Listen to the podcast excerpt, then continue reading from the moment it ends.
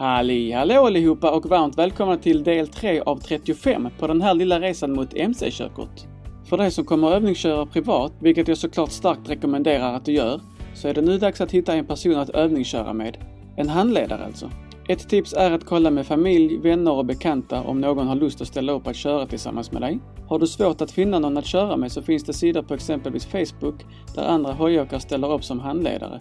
Som tack så är det vanligt att man tankar sin handledares hoj eller bjuder på en lunch kanske. Jag kommer att länka till några sådana här grupper i beskrivningen och på tal om Facebookgrupper, gå gärna med i min egen som heter MC-körkort, övningskörning, teori och uppkörning. Länk till även den hittar du i beskrivningen. Om du inte vill använda Facebook så kan du göra en förfrågan i valfritt MC-forum, lägga upp en annons på exempelvis Blocket eller varför inte be för att sätta upp en lapp i din lokala MC-butik. Personen som ska bli din handledare måste vara minst 24 år gammal och haft sitt körkort i minst 5 år.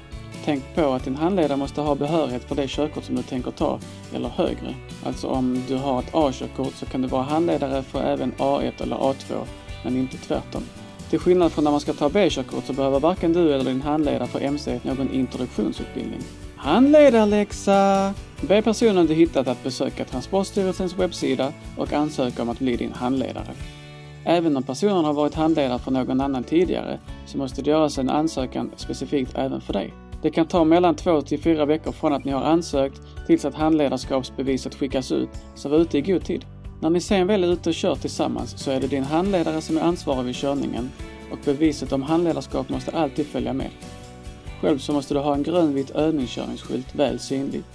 Det finns färdiga västar med skylten på ryggen att hitta i välsorterade MC-butiker eller begagnat lite varstans. Annars kan du fästa en vanlig skylt avsedd för bilar på lämpligt sätt. Hur gör man då om man verkligen inte hittar någon alls att köra med och inte har ekonomi att lägga på massa lektioner hos en trafikskola? Då kan du övningsköra själv på privat inhägnat område. Men det är kanske inte heller det lättaste att hitta. Och tänk också på att om du övningskör själv och något händer så är det inte säkert att försäkringen gäller eftersom du inte har körkort. Det var allt för den här gången. I nästa avsnitt ska vi se till att boka nästa obligatoriska steg på vägen till MC-körkort, nämligen riskettan och risktvåan. Om du absolut inte vill missa det eller bara vill stödja det jag gör så får du jättegärna klicka på prenumerera. Ha det fint!